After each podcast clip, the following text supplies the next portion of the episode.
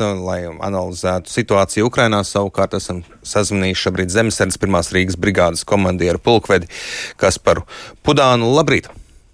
Labrīt! Kā jūs raksturot pēc pieejamajām ziņām un jums pieejamās informācijas, kāds šobrīd ir stāvoklis Ukrainā? Nu, izskatās, ka šorīt ir sācies tas, ko mēs esam gaidījuši divas, trīs pēdējās nedēļas. Pēc kaujas zaudēšanas pie Kijavas Krievijas spēki ir atvilkuši spēkus ziemeļos, pārorganizējušies, un tad tagad jau ir samazināto mērķu vadīti, tās uzsākuši cīņu par Donbasu, lai sasniegtu vismaz kaut kādus militāros mērķus un varētu līdz māja sākumam, iespējams, māja svētkiem, arī saviem uh, 9. māja svētkiem arī demonstrēt savai politiskai vadībai, ka militāri viņi kaut kādus mērķus sasnieguši. Tas, tas bija gaidāms, protams, jau paņēma manā izpratnē vairāk laika nekā iepriekš, cik ilgi un kad sāksies šis uzbrukums. Spēki tika pārvietoti, reorganizēti, arī papildus spēki no mm, centrālā un austrumu kara apgabaliem tika piegādāti. Aktīvi pēdējās nedēļas arī tika veikta izlūkošana, īpaši tieši austrumu uh, reģionos. Uh, Savukārt, kas notiek dienvidos, tur vairāk tomēr viņi turpina sagrātās teritorijas, pāriet aizsardzības fāzē, varbūt ar atsevišķiem uzbrukumiem vienlaicīgi, lai arī fiksētu, piesaistītu Ukraiņu spēkus arī dienvidos. Ir arī informācija par to, ka jau tajos reģionos mēģina izveidot varbūt kaut kādus vietējos uh, varas orgānus, pašvaldības vai valdību, lai īstenībā pamatojums tam, lai būtu leģitīma iespēja arī mobilizēt vietējos iedzīvotājus. Savukārt no Ukrainas puses arī ir redzama, protams, tas, ka viņi tam gatavojās, apzinājās, ka tā būs izšķiroša kauja, arī um, veica savus pārorganizēšanās pasākumus, bija arī atsevišķas informācijas, ka viņi arī preventīvi veica pretuzbrukumus, iespējams, lai liektu Krievijas bruņoto spēku pārapgādes iespējas ziemeļos, īpaši virzienā no Belgorodas uz Izumu, kur arī šobrīd izskatās, kā galvenais trieciens varētu virzīties. Tas mērķis, ko es redzu, iespējams, pagaidām nav saprotams, cik plaši, bet uh, mērķis varētu būt veikt aplenkuma operācijas, lai aplenktu Ukrainas spēkus, kas šobrīd darbojas austrumu reģionā. Tas varētu būt grūti sasniedzams, jo tur ir viena no spēcīgākajiem un jau ilgstoši ar pieredzi karojošie Ukraiņu spēki.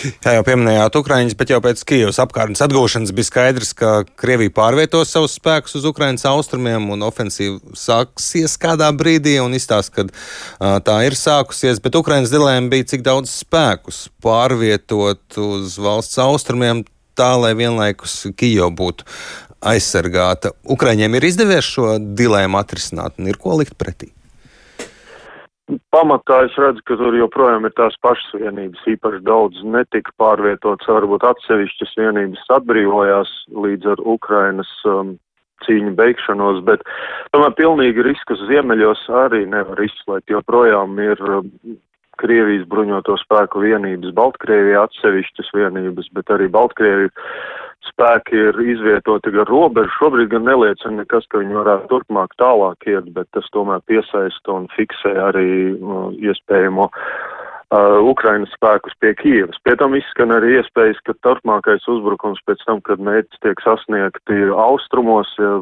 īpaši varbūt jau pabeigta izolācija un ieņemta Harkava, kas varētu būt mērķis, tad arī turpmākā virzība uz Kievu. Es pats tam īsti neredzu pamatojumu un iespējas, fiziskas iespējas to īstenot Krievijas spēkiem, turpināt tālāk uzbrukumu, bet es uh, redzu, ka tas tomēr uh, ierobežo iespējas gan, di gan no dienvidiem pārvietot spēkus, gan arī no ziemeļiem pārvietot Ukrainai spēkus uz uh, austrumu aizsardzību.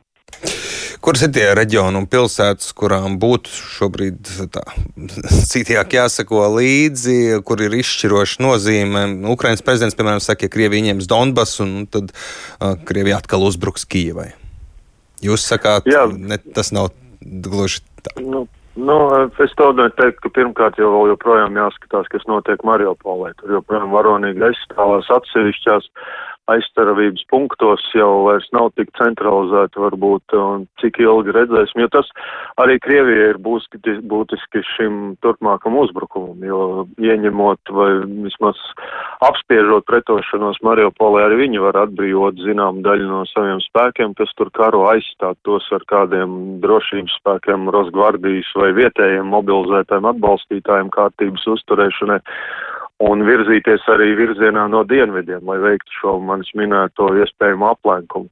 Savukārt ziemeļu pusē skaidrs galvenais, kā minēja uzbrukums šobrīd uh, uz dienvidiem no izjumas jau pieminētās un uh, virzienā uz Slavjansku. Ar mērķi aplenkt un tad jau piespiest, jā, ielenkumā, tāpat Donbass, tā viss reģions, bet, bet uz jūsu jautājumu par Kijevu, kā teicu, pats es neredzu, ka būs uh, vienkārši spēku daudzums piemērots, lai varētu šādu uzbrukumu veikt, un tas varētu izgāzties tāpat kā sākotnējās fāzes. Par spēku samēru runājot, um, Ukraiņiem vienīgā iespēja ir aizstāvēties un pretoties un pēc iespējas apgrūtināt šo potenciālo virzīšanos uz priekšu. Ja, nu, mēs varam arī domāt un runāt par to, ka Ukraiņiem ir kādas iespējas varbūt arī nu, pilnībā atbrīvot no okupanta savu valsts teritoriju.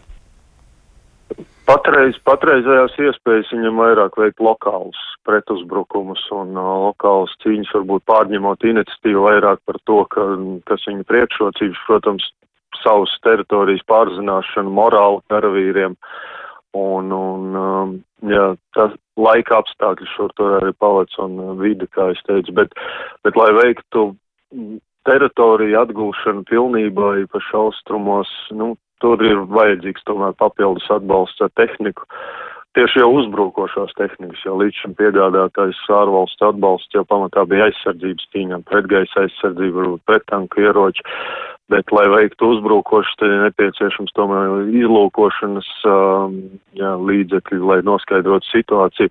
Iespējams, arī gaisa atbalsts, tuvojas gaisa atbalsts kainieku vienībām, lai varētu manovrēt artilērijas uguns lielāks, vairāk.